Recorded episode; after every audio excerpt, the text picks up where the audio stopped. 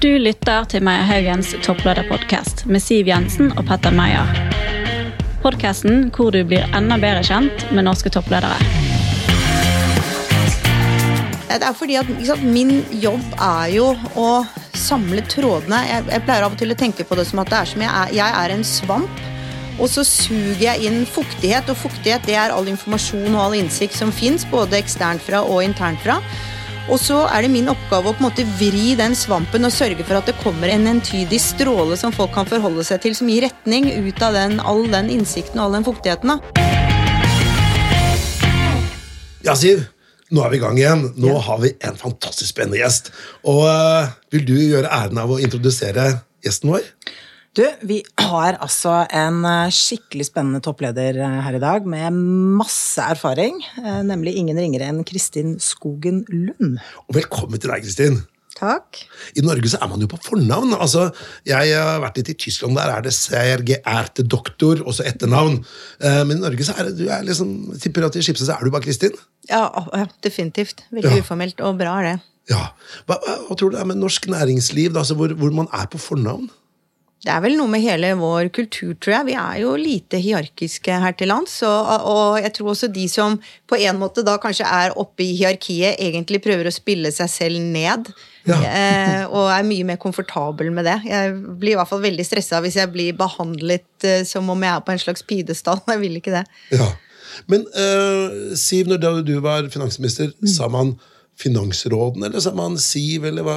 Finansråden er noe annet, da. Det er, eh, det er byråkraten. Det er byråkraten, men, ja. men, men, eh, finansministeren eller ministeren, eller hva? hva, hva? Ja, det er jo noen formaliteter rundt dette, men det er mer liksom, i noen situasjoner hvor du må titulere liksom, finansministeren sånn ja. og sånn, men eh, de fleste kalte meg Siv. Det er det jeg heter.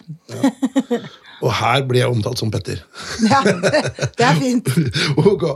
Du, eh, vi, eh, Temaet på podkasten i dag er dette med mediebildet og mediebransjen. Men så, så, ser vi også at du har skrevet og uttalt deg veldig mye om dette med lederskap. Hva er, liksom, hva er de viktigste oppgavene en leder skal drive med? da? Så eh, Vi har lyst til å komme også litt tilbake til det. Men har du en sånn fun fact om deg selv, eh, Kristin? Noe som kanskje andre ikke helt vet om? Ja, hva skal jeg si? Eh, jo, jeg kan eh, Jeg er faktisk en habil huladanser. Det er ikke så mange som vet. Det, Nå vet de det! det er fordi av alle ting så har jeg veldig stor slekt på Hawaii. For det var da broren til min mormor eh, sin familie. Han endte opp der og endte da med å gifte seg med en hawaiisk dame. Yes. Så de tremenningene mine som de er nå, da, de er jo da dels norske, men også dels innfødt hawaiiske. Så de er veldig inne i den Hawaii-kulturen. Så jeg har vært der mye og gått på skole der og, og lært det. Så det er litt kult. Nå er det dumt at det er podkast, derfor nå skulle vi hatt film. Ja, ja, Kanskje var det det turte å si det. Se, altså. ja, men det er bra. Så huladanser, men de er rett og slett eh, Er det sånn Uh, altså Med sånn bastskjørt, si, som du egentlig forbinder med sånn sydhavsdans? Liksom. Si sånn, du trenger jo ikke ha på deg bastskjørt for å danse hula, men det, det, som er veldig flott med hula, at det er en fortelling. altså er, de, de, forteller historiene sine gjennom dans. Så hvis du ser en som danser hula, så betyr hver bevegelse noe. Ah. Så det er, det er, et uttrykk. Du kan, nesten, du kan, nesten, få en tekst, og så danse teksten. Sånn så du danser Skipsteds årsmelding du da på huladans? ja, kanskje, vi skal, kanskje vi skal se om det gjør susen. okay. Yes.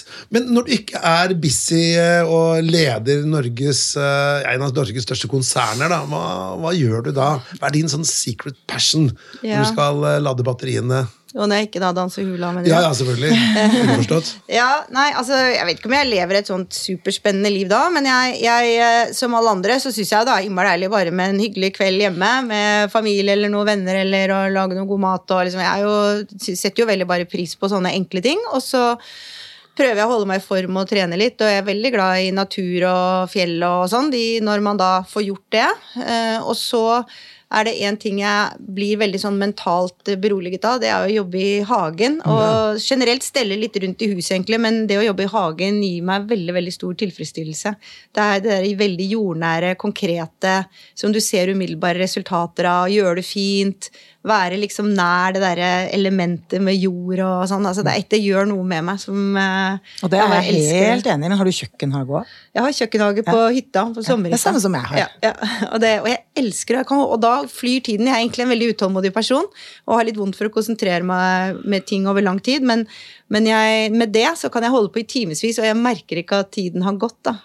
Hamsun skrev jo om det i Markens skrød, at det der, når du da ser altså jorda gir tilbake og sånn, Det er en fantastisk fortelling om Isak Sellander som, som er i jorda og får det derre Ja. ja. det er en fantastisk historie. Ja, det er det, og jeg tror, det er, jeg tror vi mennesker da, har utrolig godt av å være litt nære det vi egentlig er skapt for, som jo Ja. er å være i naturen og leve og dyrke den og interagere med den. Og jeg tror kanskje det er en usunnhet i samfunnet vårt, da, at vi har beveget oss så langt fra det som er naturlig for oss, egentlig. Ja. Så det er jo nok noe med at jeg tror det er, en, det er mye psykisk helse da, i å være nær det, det urspringelige, eller hva jeg skal kalle det. Du, dette kunne vi prata mye om, altså. Men vi skal gå over til det vi kaller de tre kjappe. Og da er det sånn at vi stiller spørsmål nå, og så svarer du mot på slutten av uh, podkasten. Spørsmål nummer én er hvor henter du energi? Du virker jo som en veldig energisk type. Men har det vært noen ganger at du har vært liksom, hvor batteriene har vært flate, og hva gjør du da? Enten både for å forhindre at batteriene blir flate, eller hva gjør du når du er på felgen? Hva gjør du da? Nummer to, hva hadde du sagt til Putin hvis du hadde møtt han nå? Sagt eller gjort? eller, og det tredje da, er er det en kulturopplevelse du gjerne vil slå et slag for? Eh, nå når eh, altså, høsten setter inn, og det kan være litt sånn eh, kaldt og, og vått ute. Så det gleder vi oss til å høre. Men uh, Siv Skipstedt, Ja, vi må vite litt mer om Skipstedt. Jeg tror, ikke sant, Alle vet at det, Skipstedt eier eh, litt aviser og sånn, men det er et så stort konsern. Kan ikke du fortelle litt hva Skipstedt driver med? Jo, vi driver nok med mer enn det folk tenker på, eh, fordi vi har tre forretningsområder, og det er jo det som kanskje folk flest kjenner oss for, er mediene, og da har vi jo VG, Aftenposten, Bergens Tidende og Svanger Aftenblad her i Norge, men vi har også Aftonbladet og Svenska Dagbladet i Sverige. Og så er jo veldig mye av dette veldig digitalt etter hvert, med ulike undertjenester og E24, glemte jeg å si nå, som er viktig. Eh, og så har vi det vi kaller for markedsplasser, og da kjenner jo alle Finn. Eh, Men vi har Finn i veldig mange land. Vi startet jo det, eller kjøpte andre markedsplasser i nesten 30 land rundt omkring i verden. Noe av det har blitt store suksesser, noe av det har ikke blitt store suksesser. Men for tre år siden så spant vi det ut i et selskap som heter Adevinta, alt det som ligger utenfor Norden. Men vi har igjen Finn og Blocket og i Finland og Danmark, da, som ligger eh, rett under Skipsted. Så det driver vi fortsatt. Og så eier vi fortsatt en tredjedel av Adevinta. Så det er der de store børsverdiene våre ligger. Eh, og så har vi eh, en portefølje bestående av ca. mellom 60, ja, kanskje 50-60 andre selskaper. Som driver med alt fra eh, Mitt anbud, har sikkert mange hørt om, Prisjakt, Lendo Og jeg ja, kunne nevnt i fleng. Mange forskjellige ting. Med andre ord et stort og spennende konsern med ja, tjenester som folk bruker i hverdagen, og kanskje ikke klar over at det lå under Skipsted-paraplyen. Men, men det jeg har lyst til å snakke litt om altså Nå er vi jo akkurat eh, vært mellomvalg i USA. Vi har sett dekningen av det, eh, som jeg syns har hvert fall vært veldig foruroligende. Med noen det er jo et samfunn med, på full kollisjon. Um, og det er preget av fake news, det er preget av masse konspirasjonsteorier. Og jeg tenker, i en sånn situasjon så har jo de tradisjonelle mediene en enda viktigere rolle. Hvordan, hvordan tenker dere på, på dette? Ja, altså det som, det som er så rart med det som skjer med verden, er at sant, de ideologiske motsetningene de var kanskje enda større før. Tenk deg USA på 60-70-tallet da, med eh, raseskyld og Vietnamkrig. og liksom, Det var jo voldsomme motsetninger. Men man hadde alltid en veldig sivilisert samtale i blant de som styrte. Man var uenig, men man baserte seg på det samme, den samme virkelighetsforståelsen. Og det er jo det vi er i ferd med å miste helt fullstendig. Og det der er veldig skummelt. Og mye av dette handler jo om fremveksten av sosiale medier, der mange får sin informasjon som da ikke er kuratert, som det heter. Altså den er ikke behandlet, den slippes liksom ufiltrert igjennom, og algoritmer som skaper ekkokammer alt dette her som vi kjenner til. Så det er klart, mediene har et stort ansvar, men vi kan jo også bare dekke det ansvaret i den grad at man, at man faktisk har tilgang til leserne. I Norge er vi veldig heldige, fordi over 90% av norske brukere søker seg jo direkte til mediene, og medier er et allemannsfenomen. Vi står veldig sterkt. I mange andre land har det å lese aviser vært et elitefenomen. Mm. Sånn har det aldri vært her. Så vi, vi, er mye bedre skodd. Og de nordiske forbrukerne er også de som er mest, mest villige til å betale for nyheter. Men likevel så er det jo et paradoks at vi er villige til å bruke penger på så mye fjas, men vi er ikke villige til å bruke så mye penger på å holde oss godt oppdatert og informert. Det er jo et paradoks, og det handler jo igjen om at man er blitt vant til at nyheter skjenkes ut gratis. Da. At det er blitt en oppmerksomhetsøkonomi og ikke en kvalitetsøkonomi. Men der vil jo jeg si at den bevegelsen vi har nå mot at, vi, at det går mot mer abonnementsdrevne medier, det kan kanskje noen føle ekskluderende, men det er samtidig en ganske viktig måte å drive kvalitet i journalistikken på. For det er kvalitet som gjør at folk vil abonnere.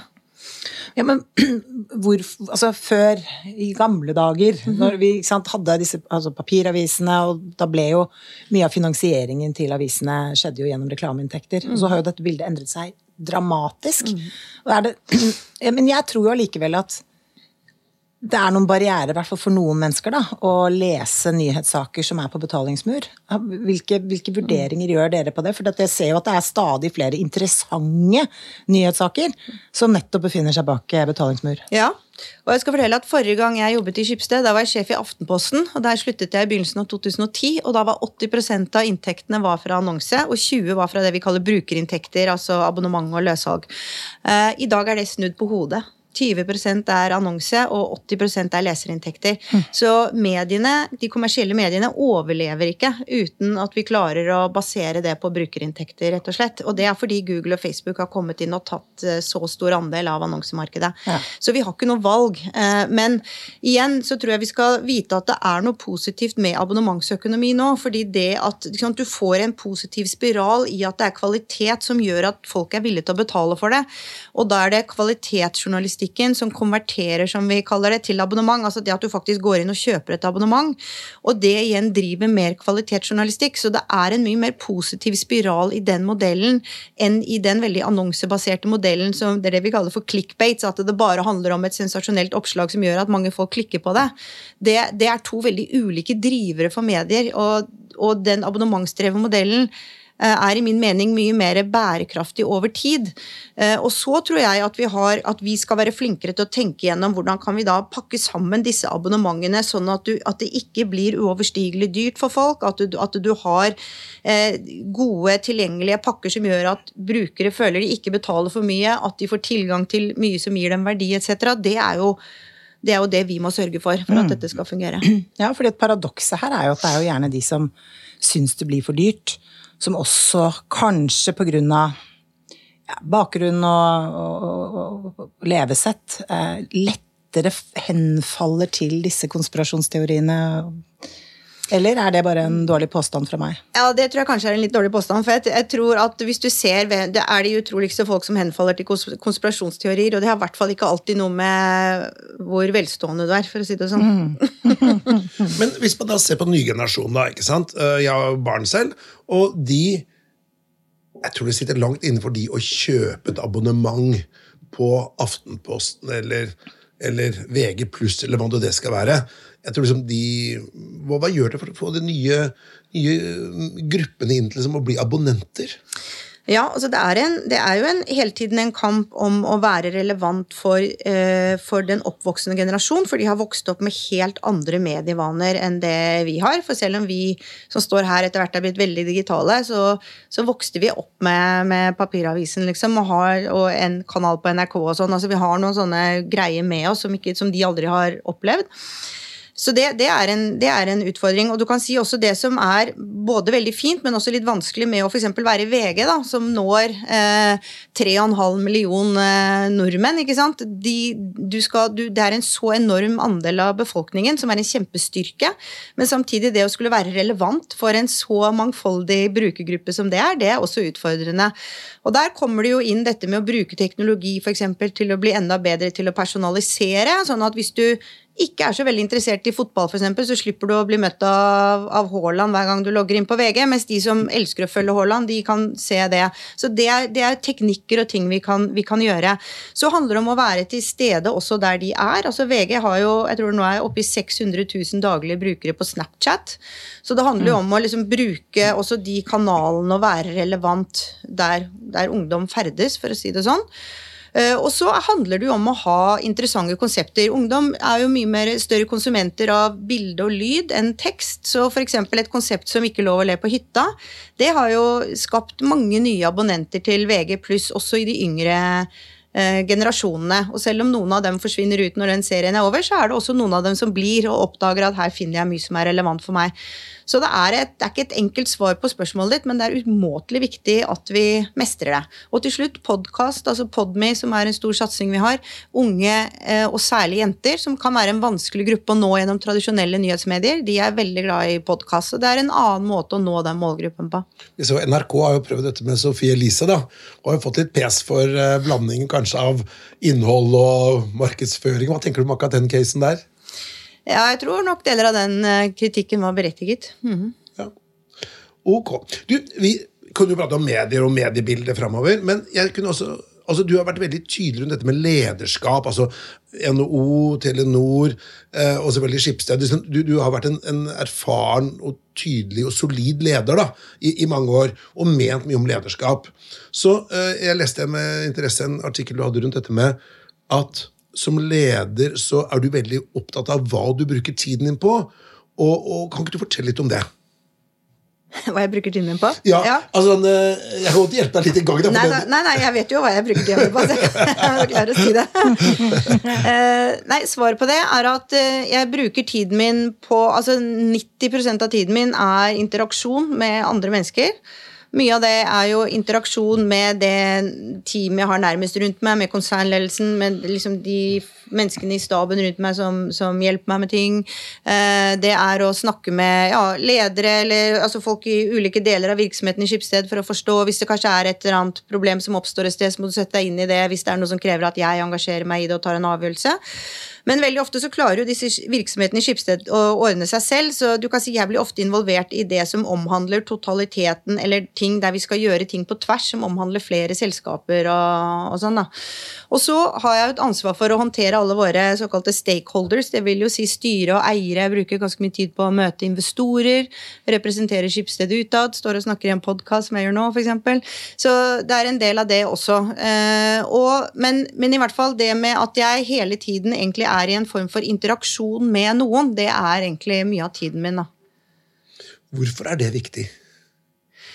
Det er fordi at sant, Min jobb er jo å samle trådene. Jeg, jeg, pleier av og til å tenke på det som at det er som jeg er, jeg er en svamp. Og så suger jeg inn fuktighet, og fuktighet det er all informasjon og all innsikt som fins, både eksternt fra og internt fra. Og så er det min oppgave å på en måte vri den svampen og sørge for at det kommer en, en, en entydig stråle som folk kan forholde seg til, som gir retning ut av den, all den innsikten og all den fuktigheten. Det destillerer. Du er sånn destillator. Ja, jeg er på en måte det. Og så, ja, som blir og finner ut liksom hvilken retning må den strålen gå. Og det handler jo ofte om å finne balanserte løsninger som fungerer for flest mulig og står seg over tid. da. Det handler veldig sjelden om å trumfe gjennom min overbevisning. Det handler veldig mye om å skjønne hvor ligger balansepunktet i den saken her. Men jeg er veldig enig i at det er en smart måte å jobbe på, men det, da må du jo også være god på å eh, rekruttere folk rundt deg som kan gjøre alt det du ikke gjør ja, altså det er jo egentlig hele clouet med å være en god leder, er jo å få enda flinkere folk til å jobbe for deg. Det er jo nesten så enkelt, faktisk. Mm. Eh, og det tør jeg i all beskjedenhet påstå at jeg har vært veldig flink til. Da. Hvordan eh, går du fram da når du skal eh, sette sammen teamet rundt deg? da? Ja, altså nå En del så kommer man inn i en organisasjon, og så kan du si så arver du eh, noen mennesker. Eh, og dels så er det alltid noen uoppdagede diamanter i sånne organisasjoner, som kanskje når det kommer en ny leder, har en mulighet til å få vise seg frem på en ny måte og få nye muligheter. Da. Så det jo, handler jo om å, liksom, å, å, å oppdage dem, og kanskje tørre å gi noen andre muligheten. Og så har jeg også i de jobbene jeg har vært, hentet noen utenfra. Og etter hvert som jeg da har levd et litt lengre liv, jeg, så begynner du etter hvert å, å, å kjenne noen og vite akkurat hvem du tenker ville vært optimal til den ene oppgaven der. da, Gjøre det, f.eks. Og mm. hvis du da har tedd deg bra tidligere, så vil jo folk kanskje ha lyst til å jobbe med deg igjen, da, hvis du har litt flaks. tenker du på deg, eller tenker du på andre? Nei, det gjelder jo alle, men i hvert fall i mitt tilfelle så er det, er det i hvert fall et par stykker som jeg hentet inn til konsernledelsen i Skipsted, som jeg er veldig glad for at ville jobbe med meg, eh, en, særlig en som jeg hadde jobbet med før. da, Så det er jo bra. Hvilke personlige, altså dette er jo veldig spennende. Hvilke personlige egenskaper tror du at du har som gjør at flinke folk som får mange tilbud, ønsker å jobbe med nettopp deg? Jeg tror det handler om å, om å hele tiden eh, jobbe gjennom andre og, og som Jeg er veldig sånn på at det er, det er, når de har suksess, at det er suksess. Altså det å kanskje ikke Altså det å gi dem stor tillit og autonomi og være forutsigbart støttende. altså Det at de vet hvor de hele tiden hvor de har meg. Det er jo ikke samme som at vi aldri kan diskutere, og sånn, men liksom at, du, at, man, at, man, som leder gir dem trygghet til å våge mer, prestere enda mer, vokse utover sine grenser, holdt jeg på å si. Eh, det er en veldig viktig funksjon som leder, at man er en trygghetskilde. Ja. Selv i en litt utrygg verden? Absolutt. Kanskje aller mest da. Vi pratet jo litt om, uh, før vi gikk på her, uh, Siv, rundt dette her med hvordan går Norge nå, da? Og nå har vi jo en kapasitet som Kristin er der. Hva, hvor, uh, I denne utrygge verden, hvor går Norge nå? Næringsliv, arbeidsliv, neste 12 måneder? Kan du, kan du, hva er dine tanker rundt det? Ja, Mine tanker er at Norge går som vanlig litt bedre enn alt annet. Eh, vi har jo flaks ofte, og det har vi vel nå også på et vis. Men jeg, jeg, jeg hadde, hadde, et styremøte i Mozilla i går kveld, satt med masse folk fra Silicon Valley, og, og der er det ganske dramatisk nå. Med sant, veldig sånn eh, nedgang i etterspørsel også for de store digitale gigantene. Mange lovende startup-selskaper som plutselig sliter. Som, som, Inntil for noen få måneder siden så, så alt veldig lyst ut, og plutselig så sitter de i en skvis, og det kommer nok til å bli et ordentlig skrell. Eh, og oppsigelser og mange selskaper som jeg tror kommer til å gå over ende i den, i den verden der. I Europa har jo ikke det truffet like hardt. Vi har sett at børskursene har kommet veldig ned, men mye av driften går for så vidt bra fortsatt. Eh, vi ser jo forskjell på de nordiske landene. Eh, det er tøffere i Finland og Sverige enn i Norge nå, f.eks. Vi ser forskjell på det. Og Norge, som er en så sterk energinasjon, da, vi er jo litt motsyklisk fordi vi mm. tjener så mye på energi nå. Men vi skal virkelig være oppmerksomme på at ute i Europa er vi i ferd med å få et ordentlig dårlig renommé som krigsprofitør. Og det er ikke bare noe noen sier. Altså, det er i ferd med å spre seg veldig. Så Norge må tenke litt gjennom hvordan vi håndterer den uh, situasjonen her, rett og slett. Altså. Mm. Men, eh, men, eh, Norge, ja. Altså, vi, vi, er jo ikke immun mot det som skjer i verden. Så det, vi kommer til å være enda mer berørt av det enn det vi er nå. Men jeg tror som vanlig at vi kommer til å klare oss litt bedre enn mange andre land, fordi vi har en sterk eh, stat og veldig solide inntekter, som jo faktisk nå er større enn noen gang. Så du tror ikke på noe krasj eller i norsk økonomi? Det er en myk landing, eller? Nei, altså, jo, jeg, jeg, tror 23, jeg, tror 2023 kan bli et ganske tøft år, faktisk. Men alt er så uforutsigbart nå. Det er så mm. vanskelig å spå noe som helst. Det kan jo plutselig komme noen løsninger på ting, og så får vi en sånn såkalt rebound, og så blir det plutselig veldig mye bedre. Og så man vet ikke, og Derfor er det ganske vanskelig å være ja, være i en situasjon som mange er nå, hvor man skal fatte beslutninger. og Skal du satse på det, eller skal du nedskalere det? Liksom, det er veldig vanskelig å vite hva som er riktig å gjøre nå, for det er så uforutsigbart. Mm. Hva tenker du, Siv? Du har jo fuska litt i, i, økonomien, du også? ja. Nei, jeg, jeg, er enig med Kristin i at eh, Norge står bedre stilt enn veldig mange andre. Og jeg er også veldig enig i at man må passe litt på dette krigsprofitørstempelet. For det er klart vi tjener jo fantastisk mye penger, ubehagelig mye penger, på at det er eh, krig i Ukraina. Og eh, stor etterspørsel etter gass eh, i Europa. Mm. Men så er det, ikke sant Med min bakgrunn som finansminister, så tipper, hører jeg nesten inni hodet mitt hva embetsverket der sier til regjeringen rundt disse tingene. Eh, men jeg tenker mer Hva, hva sier de da, for å uh, lette litt på det sløret? Nei, men det, det handler jo om uh, alle de mekanismene vi har bygget opp over tid, som har gjort at vi har f.eks. Et, et veldig solid uh, oljefond. ikke sant? Det er jo fordi at vi har vært tro mot reglene hele veien, og ikke, ikke gitt bort pengene våre. Og det skal vi jo selvfølgelig heller ikke gjøre nå, men det er klart at noe bør man kanskje tenke gjennom. Det er jeg veldig enig med Kristin i. Men jeg, jeg, er liksom litt nysgjerrig på altså, Ja, det går bedre i Norge enn i andre land, men, men er det? Krigen i Ukraina forsterker jo selvfølgelig mye av det vi ser, men mye av dette skyld er jo sånn post-covid-problemer. Hvor mye av det kan man um, um, ja, peke på Kina for, tenker du? Ja, altså, det, jo, du, Kina spiller definitivt en rolle, og den null-policyen som de kjører nå, gjør jo at den effekten også holder seg mye lenger. Da. Og det er jo, altså Kina har ganske store problemer eh, internt i sin økonomi. ikke sant? Vært vant til å være på en veldig vekstkurve som ikke de kommer til å klare å opprettholde. Et stadig strengere regime òg. Og det vil jo påvirke oss alle hvis Kina altså Kina har vært en vekstmotor for hele verden. Ikke minst har jo Norge levd veldig godt på den utvekslingen, for å si sånn. At våre råvarer har vært dyre fordi det har vært etterspørsel i Kina. Og så har vi kunnet kjøpe veldig billige produserte ting i Kina. altså Det, det samspillet der har tjent oss utrolig godt. Så, så det, det, påvirker. Det har, vært, det har, jo blitt masse forrykninger i denne veldig globaliserte økonomien og disse finjusterte verdikjedene som har som vi ser hvor sårbare vi er. da, ikke sant? Når det, når det blir forsyninger i det. altså Bilbransjen, f.eks. Eh, at du ikke får nok sånne halvledere, semiconductors, altså masse sånne ting som plutselig får voldsomme uh, utfall i, i, i, en del bransjer. Så, så vi er, vi, jeg tror det har gått veldig opp for oss hvor, hvor sårbare vi er. Uh, og det, det, vil nok også føre til endringer fremover. Man, man, man vil søke noen andre løsninger, tror jeg. Mm enn å bli, gjøre seg så ensidig sårbar av f.eks. en del andre land. Da. Bare sånn, eh, Apropos det, da, jeg var i USA nå bare for en måneds tid siden og skulle leie bil der. Og på Hertz, som var en sånn svær uh, utleier, da, at vi får ikke tak i bruktbiler i USA. Mm. ikke sant? Det var ikke nok biler, så de måtte si nei til kunder.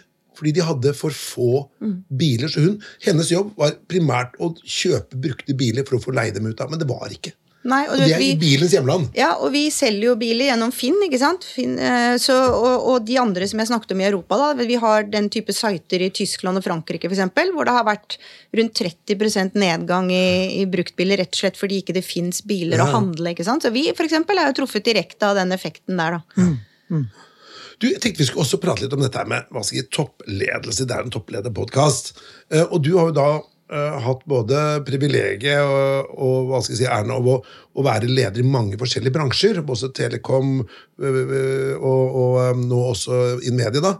Tror du at en leder kan lede hva som helst? Den såkalte Kenning-modellen. Yes. Eh, nei, jeg tror ikke det. Ja, altså, jeg tror nok noen mennesker har sterkere lederegenskaper enn andre. Men jeg tror at skal du være en vellykket leder av uh, Uansett om det er da en organisasjon eller en, en, virksomhet, eller hva som helst, så er du veldig avhengig av å kunne og forstå den virksomheten veldig godt. Og så er det jo noe og mye her i verden man kan lære seg. Men uh, jeg tror samtidig at man skal ha veldig respekt for hvor viktig det er å kunne det du skal lede. altså. Ja, Det har jeg forståelse for. Men var det sånn uh, kunne du vært leder for la oss si Nav? da, Det er favorittspørsmålet vårt her. Hvis du ja. hadde fått det tilbudet Nå er du en veldig flink leder i Nav, nå, så det er ikke at vi er på jakt etter hans jobb, men uh, mer som et uh, tenkt case. da. Ja, nei, ja, jeg skal, tror ikke jeg skal søke den jobben til Holte. Han er veldig bra, så det er jeg enig med deg Men Nei, jeg, Jo, det kunne jeg nok sikkert gjort. Men det hadde jo Det hadde nok det hadde jo Eller ja, det blir litt naivt å bare si. Altså, jeg måtte satt meg veldig, jeg måtte satt meg mer inn i hva de, hva de hadde krevet, og hvilke utfordringer er det de skal løse, som primært de står overfor, etc. Altså, for eksempel er, tror jeg Nav handler veldig mye, mye, om systemforståelse. Forstå hvordan Nav, altså hvordan må du bygge opp Nav for å kunne betjene eh, et så komplekst eh, saksfelt som de har ansvaret for. da. Sånne ting. Men, eh, så da måtte jeg jo gjort en vurdering av om jeg trodde jeg hadde evnet det. Mm. Men har du, har du alltid eh, sett på deg selv som en leder? Toppleder? Nei, jeg har egentlig ikke det. Eh, det er et morsomt spørsmål, for da jeg var liten, så var jeg nok litt sånn jeg har nok alltid vært litt sånn jeg rekker opp hånda jeg, og tar ansvaret for det her typen. Eh, og organiserte skole for barna i gaten. Og liksom, så jeg har nok en, på en måte liksom hatt det der greiene i meg litt. Grann, men, eh, og alltid sånn elevrådsformann og sånn. Liksom. Men, eh, men, jeg hadde ikke noe Da jeg gikk ut av gymnaset og skulle studere og tenke på hva skal det bli av meg, og sånn, da gikk jeg jo ikke rundt og tenkte på at jeg skulle bli leder. Og, og, så studerte jeg, og så ble jeg jo leder ganske tidlig. Eller veldig tidlig, egentlig. Og, og den lederkarrieren løper jo mye fortere enn min selvtillit. Så i mine yngre lederår så slet jeg faktisk veldig med akkurat det. For jeg klarte ikke å identifisere meg med det, og jeg skulle unnskylde meg for det. Og jeg var livredd for at noen skulle tro at jeg trodde jeg var noe bare fordi jeg hadde fått en direktørtittel, og jeg var opptatt av å liksom aldri skulle virke besserwissende, da. Så jeg var sånn sykelig opptatt av å få fram alle andre og liksom trykke meg selv litt ned. Og jeg led av et voldsomt imposter syndrom en periode der. Mm. Så, og så fikk jeg liksom noen opplevelser sånn rundt at jeg fylte 30 som gjorde at mye falt på plass for meg, og jeg akkurat som jeg internaliserte denne identiteten og ble trygg i det at ok, du er en leder, og det må du, det må du slutte å kjempe imot eller unnskylde deg for, og så må du tenke at det er på mange måter noe, eller, ja, det er noe positivt som du kan bruke til å gjøre noe bra. da. Mm. Og bli trygg i det. Og det har, jeg, det har vokst veldig på meg siden det. Men dette må jo være veldig inspirerende, tenker jeg, for de som hører på denne podkasten, som kanskje har ambisjoner eller eh, er ferske ledere, da. Å eh, høre at eh, også veldig erfarne ledere har vært ferske. Ja. Altså jo, Det er litt det der at man, Veien blir jo til mens man går, og man lærer jo av sine egne erfaringer og jeg, egne feil. Nå kommer jeg til å tenke på det bildet av deg når du overtok som formann i Frp etter Carl I. Hagen. Du mm. var jo ganske ung, du også. Mm. Du, det gikk vel kanskje et par imposter-tanker gjennom hodet ditt da? Å ja da. Jeg kjenner meg veldig godt igjen i det du sier. Ja. Det jo, men det er derfor jeg også sier det. Det er jo etter mange år på baken som leder så har man jo endret karakter, man har gjort mange feil, og det er jo summen av det som gjør at man blir bedre. Ja, Og trygg. Ja, ikke sant. Mm. Så det er, det er, viktig å snakke om rett og slett for å tenker jeg, motivere alle disse flinke, unge menneskene som, eh, som eh, ja, til å, til å, hoppe i det og ta lederoppgaver, rett og slett. Ja, og Hvis jeg skulle gi ett råd, så er det liksom, som ikke jeg klarte, da, men prøv å skrelle bort alle de kompleksene du påfører deg selv, liksom. Og alt det der du føler du ikke er god nok til. Og så prøv å finne, bli bevisst på og finn trygghet i det her er jeg bra på. For alle mennesker har en eller annen superpower som de er spesielt bra på. Og tør å, liksom, tør å finne fram til den, og så bruk den, liksom. Mm. Det, er, det er den foten du skal stå på hele tida, og kjøre på. Du, bare for at Det refererer til imposter syndrom. Da, å, det handler jo litt om dette å eh, tro at man egentlig er en fake. Da. At man egentlig ikke kan, at man har egentlig lurt alle rundt seg til å få den jobben. Når skal det bli avslørt? Det er jo det som man er veldig redd for. da. Uh, I forhold til det med imposter syndrom. Da. Mm. Ok. Jeg tenkte vi skulle se på dette med personlighet. Uh, Kristin. Er du selv veldig opptatt av personlighet når du rekrutterer? Jeg prøver i hvert fall å være opptatt av å finne folk som er annerledes enn meg, sånn at vi komplementerer hverandre. Det er viktig. Ja. Ok. Eh, hvis du skulle beskrevet din egen personlighet, da? Hvis du skulle sagt hva er, hva er dine dominante trekk? Og tenk litt både på hva du mener selv, men også hva, hvilke tilbakemeldinger du har fått gjennom et, eh, et liv fra familie og venner og kollegaer. Ja. Nei, jeg er veldig ekstrovert. og veldig sånn avhengig av den sosiale kontakten og stimulansen. Avslører jeg kanskje litt spørsmålet på hvor jeg får energi, som vi skal snakke om etterpå, men veldig avhengig av det. Og så eh, vil jeg si at jeg er en veldig åpen og direkte person, og det kan jo være litt voldsomt noen ganger kanskje for noen, men jeg tror det samtidig er med på å skape den tryggheten. Jeg har liksom ikke noe agenda, og jeg tror folk stoler lett på meg fordi det er bare det du ser, liksom. Det er ikke noe særlig Det er ikke noe annet der. Eh, og så er jeg en bekymringsløs person. Jeg har av og til kalt meg selv for litt grunn. Altså jeg grubler ikke så veldig eller tenker så fælt, egentlig. Bare durer på, typen. Eh, og så er jeg kanskje nok litt mer emosjonell enn det folk tror. Altså jeg har mye følelser og mye veldig sånn, ja, omsorg og empati for folk. og sånn, Særlig hvis jeg da det er jo ikke alltid har like tid til å engasjere meg i ting, men når jeg liksom først har anledning, så kan jeg, jeg er veldig sånn lettengasjert. Eh, og eh, ja, og så er jeg kanskje også en sånn litt rar blanding av at jeg på en måte selvfølgelig er veldig trygg og kan sikkert fremstå veldig suveren og alt det der, men så kan jeg også være merkelig usikker eh, innimellom. Og det er kanskje litt sunt da. Mannen min ler av det hele tiden, men jeg, jeg tenker kanskje at det er litt sunt å være en blanding. Du, dette skal vi se litt mer på, da. Men eh, åh, som headhunter fikk jeg mye å jobbe med her. Eh, men det vi skal gjøre nå, da Vi har jo sett litt på forskning da, vi i rekrutteringsselskapet Meierhaugen. Hva er det som laster på topplederskap? Og da er jo forskning eh, ganske tydelig på at dette er personlighetsegenskaper som toppledere har mer av enn snittet av befolkningen. da. Så jeg kommer til å lese det opp, og så kan du da din umiddelbare respons om du har mye eller lite av det, eller om du er enig eller uenig, og så kan vi nyansere etterpå. Er du klar? Ja. Nå ser du veldig konsentrert ut. ok. Eh, har du høyt energinivå? Ja. Har du stresstoleranse? Ja. Har du høy selvtillit? ja. Som sagt, litt varierende, men ofte ja. Eh, tror du at du har høy eller stor påvirkningskraft på verden og folk rundt deg? Eh, ja, men innimellom så kan jeg også bli litt sånn tenke at åh, det nytter ikke. Jeg kan også få de avmaktsfølelsene. Men, men jeg har jo selvfølgelig det, i hvert fall i den lille boblen jeg befinner meg. Den lille boblen på 5000 medarbeidere? Ja. Ja. Men den er liten i den store verden. ja da, det er sant. Eh, resultatfokusert. Ja, men jeg er kanskje ikke så tallfiksert. ehm, Så det, kunne, det vil nok kanskje noen mene jeg burde være mer. Men, men jeg, er result, jeg er veldig resultatorientert i den forstand at jeg elsker å se at man lykkes sammen. og, og sånn, men, men, men hva et resultat er, har jeg nok et ganske bredt syn på.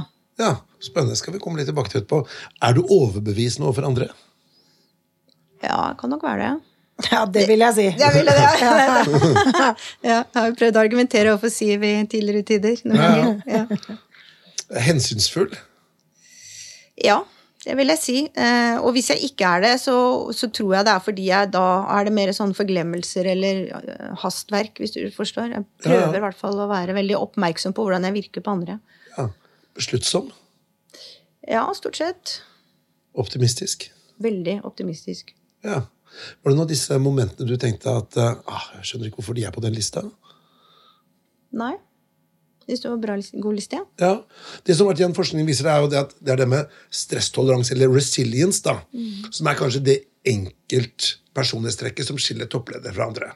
At du kan stå i veldig krevende situasjon over år, som begge dere har gjort, og allikevel stå i det, og egentlig kanskje komme ut av svingen med litt ekstra fart. da. Eh, Hvordan tenker du rundt din egen evne til å stå i, i, i, i komplekse saker, vanskelig krevende saker, over tid? Altså år?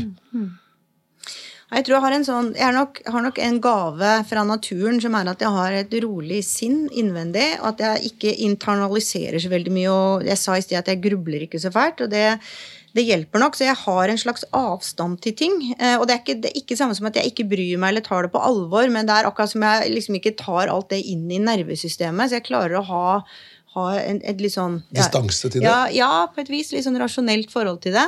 Ja. Uh, og stenge det av. Altså jeg, jeg kan gå inn og ut av ting. Altså jeg kan stå i en sak, og så går jeg veldig inn i den saken, men så er jeg kanskje hjemme i helgen, eller noe sånt, og da tenker jeg ikke på det. Du ligger ikke våken om natta Nei, hvis det er dårlig nei. tall eller et Nei, eller da, tenker, da, liksom, da, da klarer jeg å koble det av. da Når jeg Ja. ikke må være på det, så går jeg av det. Det tror jeg er veldig sunt. Eh, men, men altså, let's face it, jeg er også sånn at det er morsommere når det går bra enn når det går dårlig, og ingen liker jo, ingen liker jo ikke lykkes med ting. Og så liksom, det er jo ikke sånn at jeg er helt immun mot, mot de følelsene der, men jeg, jeg, jeg tror det er den der evnen til å ha den distansen som gjør at det går såpass bra, da. Men tror du det også noe med, liksom, gjør noe med din egen sinnstilstand? Altså at du kan tåle mye, mye styr, mange lange dager og alt mulig sånn, at du klarer den der, å skru av når, når du har muligheten til det? Ja, jeg, jeg tror det, altså. Og, og så, ja, eh, Nå svarer jeg kanskje litt på det energispørsmålet, men jeg får på en måte energi av det jeg holder på med, og stå i det. Eh, Hvis jeg hadde vært avhengig av å skulle hente energi et annet sted enn det, så hadde det vært vanskelig. Jeg er ganske avhengig av at den motoren der er selvgenererende, tror jeg. Ja, for Det er det som er noe av dette med resilience-biten. Du kan ikke komme med en stor batteripakke og håpe at den varer gjennom dagen eller uka eller året. Du, du, du må lade på post. da. Det er akkurat det. Og det sant? gjør jeg veldig. Mm. Ja, Selv om når det drar seg til og folk tenker jøss, hvordan er det mulig, så lader man da når det virkelig blåser. da. Setter opp en liten vindmølle i orkanen, da. for Ja. å bruke det bildet. Ja. Men hvis du merker liksom at, at ja, batteriet ikke blir ladet, da, er det da på tide å bytte jobb? Ja, men jeg har aldri opplevd det over tid. Altså, jeg kan oppleve det i ko veldig korte perioder, og da skal det som oftest ikke mer til enn at du eh, bare gjør noe helt annet noen timer, og så er du, kan du liksom, kan iallfall jeg være tilbake igjen, da. Altså, da- back. Ja, altså det, det skal det, det hender jo at du bare kjenner at åh, nå fikk jeg nok, liksom. Eller at du eksempel kan bli litt sånn irrita irritabel eller noe sånt. Liksom. Da er det bare å ta en pause. Men da kommer jeg veldig fort tilbake. Så jeg har nok ikke opplevd det der med at jeg har følt det sånn over tid, egentlig. Nei. Er det en personlighetsegenskap du tenker åh, faderland, den skulle jeg likt å justert litt opp eller ned? Altså sånn der, åh, Jeg skulle ønske jeg hadde litt mer eller litt mindre av et eller annet. Ja, altså jeg, jeg, er for, jeg, altså jeg er for utålmodig. Det er sånn klassisk sånn, hva er din store svakhet? Jo, jeg er så utålmodig, og så er det egentlig ikke det så negativt. Jeg er klar over den, men, men, Og det er på en måte noe positivt å være utålmodig, for da vil man mye og sånn, men innimellom så har jeg, har jeg gått i bare på det. Blir for kjapp. Du får, altså? Det er sånn uttrykk som at skal du gå langt, så går du sammen med noen. Og skal du gå raskt, så går du aleine. Det er, er ikke det sånn, liksom, noen ledere som tenker åh, du veit jo hvor du skal. Vi skal dit. Men bare få med den der jævla treige gjengen min. Eh, så du bare sitter her og tripper litt som han der familiefaren som har med seg familien sin på tur og, og venter når de kommer svette opp. Nei, det er ikke sånn, fordi jeg jobber med, jeg er ikke spesielt treige, heldigvis. Men det er nok mer det at jeg, blir, jeg kan bli entusiastisk, og så, så kan jeg f.eks. ivre for for mange ting. Og så sender jeg da utydelige signaler. Hvis jeg ivrer for seks ting, og alt er like viktig, så er ikke det en god måte å lede på, f.eks. Og da burde jeg ha tenkt gjennom det og tenkt at ok, selv om det høres kult ut, så er det ikke det som gjelder akkurat nå, selv om jeg syns det er stas. Så må legge litt bånd på deg. Så, ja, så jeg, jeg, jeg kan bli for, som, sånn, for kjapp til å sende ut noen signaler som Og så glemmer man noen ganger da, at alt, hvert signal jeg sender, det amplifiseres jo veldig. Når du faktisk er konsernsjef, så hører jo alle etter hva du sier veldig godt hele tiden. Så da må man tenke gjennom det. Og alt man gjør, signaliserer noe. Ja. Så du må være litt bevisst på summen av hva du sender ut. Ja, Det som man tror kan være en, bare en hyggelig, morsom, vittig kommentar i lunsjen, det kan folk grunne på Ja, i dagevis. Ja, det er en annen ting. At uh, det har jeg blitt veldig obs på. Det der med glem ironi og glem morsomheter. Og vær utrolig nøye på hva du sier, fordi eh, og bare det, å, bare det å glemme å svare på en melding kan jo gjøre at folk går rundt og er, har det helt jævlig i fire dager. ikke sant? Bare fordi du ikke har svart, og så legger de masse i det. 'Gud, hun har ikke svart meg', og da er hun sikkert sur fordi jeg skrev det og det. Og sånn, ikke sant? Og så er det bare fordi jeg har glemt det. Så, så liksom jeg prøver å være veldig bevisst på at man har så Du har jo en så sterk autoritet over folk, dessverre. Men du må være veldig bevisst på det, altså. Jeg, det, jeg syns det er skummelt noen ganger, da. At man helt sånn ubevisst kan ha den virkningen på andre mennesker. Er ikke det litt interessant, for når du hører eh, disse sakene om ledere, da ikke sant? Sånn, Noen ganger sånn metoo-situasjoner eller et eller annet sånn dårlig lederskap, altså, så er ikke lederne klar nok over den makten de tross alt har. Og de har litt med kanskje mm, det egalitære Norge, skandinavisk lederstil, være en del av gjengen som mange ledere ønsker. Ja. Man er med på firmafestene, liksom. Ja. Også, men du er ikke det, du er ikke en kompis. Nei. Du er lederen. Ja. Og det glemmer man. Og det var jo bare liksom sånn ja, det, ja. Helt riktig. Det er jo ingen firmafester som tar av før sjefen har gått hjem. Nei. Det er Ja, det, det Og så er det jo mange ledere som skjønner det. At de går hjem tidlig, for folk sitter og tromler med fingrene. til de skal gå da. ok. Du, Jeg tenkte vi skulle gå over til deg, Siv, som eh, jeg vet har eh, kanskje noen eh, spørsmål du vil stille. Ja, så jeg syns jo vi har fått um, veldig mange spennende ting her som vi kunne snakket veldig mye mer om. Men én ting som jeg har lyst til å gripe fatt i, som du nevnte, snakket litt om trender. Um, og i mediebransjen, sånn, hvor det skjer så store ting hele tiden, og vi endrer vi endrer atferd, og teknologien kommer med. Det må jo være innmari vanskelig å klare å lede medieselskaper dynamisk. Hvor mye ressurser og energi bruker dere på, på trendforskning? Eller på, på å Ja, vurdere Det er et veldig godt spørsmål, og det, man, kan, man kan bli litt svett av det, for å være helt ærlig. Og særlig når man er i ferd med å bli en tante på 56, som jeg er. Så føler man liksom Gud, henger jeg med på det her, da? For det går fort, og det er mye teknologi, og det er mye greier. Men eh, da er det igjen disse fantastiske menneskene. Vi har f.eks. en gruppe i Skipsted som heter Future Lab, og de, eh, det er deres jobb å sitte og jobbe med nye teknologier og hvordan vi kan bruke det. Nå jobber de f.eks. mye med det som heter syntetisk media, altså hvordan du kan bruke stordata til å lage språkmodeller som gjør at du veldig enkelt kan lage sammendrag av artikler, eller tekst til lyd, lyd til tekst, altså alle disse tingene, som, som gjør at vi effektivt kan ut, utvikle journalistikken vår ved hjelp av den teknologien, da, og heller bruke ressurser på på undersøkende journalistikk istedenfor bare å sitte og skrive sammendrag og sånn. Et eksempel på, på, ting vi jobber med nå, jo, nå snakker man også mye om metaverse, og vi, vi er nok litt der at ja, hva, hva, kommer egentlig det til å bety? Men det er klart, jeg tror ikke, det er ikke noe sånn at vi tenker at det skal vi lede an i, kanskje, men det er jo veldig viktig at du for, hele tiden følger med på utviklingen og forstår hva som skjer, sånn at du kan posisjonere deg riktig når tiden er inne for det. Så det at du har noen medarbeidere som får lov til å fokusere på, på det, og, og, passe på at resten av oss får de signalene når vi trenger dem, mm. det er viktig. Mm. Og så må jeg bare si at det er ikke bare de eh, spesialistene. Alle som sitter med ulike ansvarsområder, følger jo med på sine markeder selvfølgelig også. Mm. Det er jo en generell ting i organisasjonen. Mm. Vi har jo veldig mange Altså er, av de ansatte så er jo over 1500 er jo eh, programmerere og tech-folk og produktfolk. Ja. Så vi har jo mange ressurser på det området. Men så er jo kunsten at selv om man har masse flinke folk som sitter og jobber med det, så er det jo en ledelsesoppgave, en konsernledelsesoppgave å liksom finne timingen for å gjøre endringer. Ja, og det er jo en risiko for at man endrer for seint. Eller for det, tidlig. Ja, veldig risiko for det. Så timing er dødsviktig, og da er det vel bare det der med å være nysgjerrig, det å kanskje skjønne når man skal gradvis eh, forsøke seg fram i noe når man må ta mye større strukturelle grep, som innebærer mye større risiko, men som ofte også kan være nødvendig. Da. Og da henter jeg litt inspirasjon fra historien til Skipsted. Altså Den gangen internett kom, så turte vi å lansere Finn og la Finn rett og slett utkonkurrere den store cashkua som var eh, rubrikkannonsen i Aftenposten. Mm. Eh, det var så djervt og så kontroversielt, men hvis ikke vi hadde gjort det, så hadde noen andre hatt de posisjonene i dag, og Skipsted hadde vært et mye, mye mindre konsern og med en mye mer sårbar økonomi enn det vi har i dag. Så det, jeg henter inspirasjon fra sånne tidligere bragder som eh, mine forgjengere har stått for. Mm. Finn ble jo i hvert fall tidligere kalt Norges Google.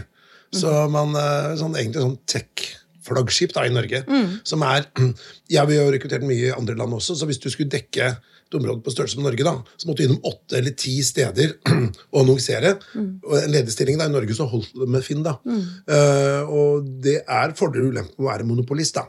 Men for forbrukeren noen ganger så er det faktisk en fordel hvis du trenger reach til en eh, gjeng. Da. Det er jo store sånne nettverkseffekter i det digitale, og så følger det et stort ansvar med å være mm. den som har den nettverkseffekten. for Man skal aldri misbruke den stillingen, men det, mm. men det, gjør at du kan lage veldig gode tjenester. Ikke sant. Du, Jeg tenkte vi skulle gå på disse tre kjappe, jeg, mm. Siv. Mm. Vi har jo prata om jo litt både med energi og sånn i eh, personlig energi nå, men hvor hva gjør du Eller starte litt med personlig. Har du noen gang vært helt på felgen? Ja, jeg var det i våren 2004. Da hadde jeg en skikkelig stor prolaps i ryggen som jeg endte med å operere. Men det tok fire måneder før jeg gjorde det. Og da var, Jeg har jo to sett tvillinger. Da var de ett og tre år gamle. Og mannen min var partner i bar. Det halvåret var ikke noe kult. det hørtes røft ut. Ja. Men siden 2004 så har du ikke vært det du vil karakterisere som å være liksom nedstemt en gang, eller Ikke over tid, i hvert fall. Altså, jeg har selvfølgelig hatt uh, perioder og enkelte sorger og sånn innimellom som, som, har gått vel innpå meg, og alt det der, men har, det har ikke vært sånn at jeg har kjent at nå mestrer jeg ikke dette over tid. Det har, det, det har jeg ikke følt siden det. Hva, hva, er ditt tips uh, eller til deg selv da, for å, å mot, forebygge uh, flate batterier? Hva gjør du da for å motvirke det? Nei, jeg får jo heldigvis energi av å være aktiv og av å være med andre mennesker og, og sånn. Og så tror jeg det er ganske viktig at man er litt bevisst på sine omgivelser. Velg de folka som gir deg positiv energi, og velg vekk de som tar energien din. Mm. Eh, hvis du f.eks. er i en situasjon hvor du har en leder eller en eller annen som du føler liksom tar vekk den selvfølelsen din, så må du komme deg vekk fra det. Så jeg har lært det å være selektiv i så måte. og liksom, man, Hva lar jeg påvirke meg? da? Og ta inn alle de gode kreftene og signalene og sette pris på det, liksom. Og oppsøk det. Så jeg prøver å være bevisst på det. Og så er det jo det med å, å koble litt av innimellom. Eh, få helt andre tanker i hodet. Eh, beholde jordingen. Gå ut i hagen og luke litt. Det gjør underverker. Bra. Eh, neste spørsmål er Hva hadde du gjort eller sagt hvis du hadde møtt eh, Putin nå? Ja, altså hvis jeg hadde hatt et våpen, så tør jeg ikke å tenke på hva jeg hadde gjort. Eh, og uten et våpen så hadde jeg kanskje gitt han et skikkelig ballespark. Jeg er ordentlig provosert over den mannen. Han minner meg om Hitler. Ja. Og jeg er rett og slett så provosert over hvordan han påføl- påfører så mange mennesker i lidelse, også sine egne innbyggere, by the way. Altså, Det er forferdelig, også det russiske soldater må gå igjennom. Så det er, eh, Og at verden ikke er kommet lenger enn at, eh, at den type menn får Ikke bare fordi han er mann, altså den type mennesker får ja, får holde på sånn. Det er, eh, det er forferdelig. Vi lærer aldri. Nei, det er jo veldig trist, det som skjer. Og Europa trodde at kanskje var eh, forskånet fra krig, altså storskalakrig, men Ja, det er vi, vi virkelig ha ikke. lært. Vi burde ha Burde ha lært. lært. Men jeg har sagt noen ganger, jeg, både på spøk og alvor, at eh, verden hadde vært et bedre sted hvis den ble styrt av kvinner. De har litt mindre testosteron. Ja, kanskje, kanskje ikke. Ja, det har vært sannsynligvis mindre krig, da. Det tror jeg Noen absolutt. fysisk kriger. det. Det hadde nok, ja. Ja. Ok, vi lar den ligge til, til neste podkast. en kulturopplevelse, Kristin, noe du vil anbefale? Og ja, da må jeg nok få lov til å promotere Oslo-filharmonien, for der er jeg, er jeg styreleder. Det har jeg har vært i syv år nå, og det er så gøy. Og det orkesteret er jo i, har liksom, jeg opplever en voldsom verdenssuksess nå, med han nye unge finske dirigenten Klaus Mekle, og de er etterspurt overalt og spiller de mest fantastiske konserter. Så jeg var på sesongåpningen her i august, da spilte de Malers femte symfoni, og da ja, det, det gjorde så inntrykk på meg at jeg var liksom sånn, jeg var nesten helt ute av meg av opplevelsen. altså Det var så sterkt. Så jeg vil virkelig opp, oppfordre de som har mulighet til å gå på en konsert og oppleve det. Det høres ut som vi må forte oss å kjøpe billetter nå. Ja, Du, jeg, jeg er eh, som jeg kommer fra Notodden, og det var jo ikke så mye klassisk eh, dannelse da jeg vokste opp, men, men jeg har jo vært på en god del klasse, for kona mi er veldig opptatt av det. Så hun har tatt meg med på en sånn der dannelsesreise eh, i operaen og forskjellige konserthus. Så det er jo vakkert. Virkelig, virkelig vakkert. det er veldig flott. Ja, Siv. Vi hadde jo en del spørsmål hva vi lurte på med Kristin. Hvordan får du til dette her? Hvordan er det å være leder for så stort konsern? Og hva skjer i mediebransjen? Har vi fått noen av de svarene? Ja, jeg syns vi har fått veldig gode svar og mange kloke refleksjoner som eh, i hvert fall har gjort inntrykk på meg. Så går tiden så fort, da. Så det jeg må jo dessverre runde av. Men eh, jeg tenker at alle som eh, hører denne podkasten, blir litt klokere av å ha hørt på en klok og erfaren leder. Ja, jeg spesielt merke dette her med at du som leder fokuserer på det med å kommunisere med folk rundt deg. Du skal ikke gjøre så mye. altså Gjøre klassiske, skrive, regne. eh, men du skal kommunisere. eh, og være den destillatoren. da, Suge det til seg som en svamp, som du sa. Og så er det pureste gull, da. Det som kommer ut i, i de ulike retningene etterpå. Det er en, eh, Vær litt nøye med hva du bruker tiden på som leder. Ja, og så er det viktig å være Jeg er selvkritisk, og det er viktig fordi man må liksom aldri bli der at man slutter å ta inn korreksjoner og signaler. Og det hele tiden oppsøke motstanden og motforestillingene, det er også veldig, veldig viktig. altså. Vi trenger alle å kalibreres, og uansett hvor mange år du har på baken, så, så er det alltid noe som kan være bedre og tydeligere. Og med disse kloke ord tenker jeg vi setter strek. Men tusen takk Kristin, for at du kom i podkasten vår. Og lykke til videre med den viktige jobben du gjør for Skipsstedet og alle de andre fingrene du har med i norsk og utenlandsk arbeidsliv. Tusen takk. Du har lyttet til rekrutteringsselskapet Maja Haugens topplederpodkast. Vi produserer også Rekrutteringsrådet og Jobbsøker. Du finner oss der du lytter til podkast. Har du forslag til gjester, gå inn på vår Facebook-side Maja Haugen.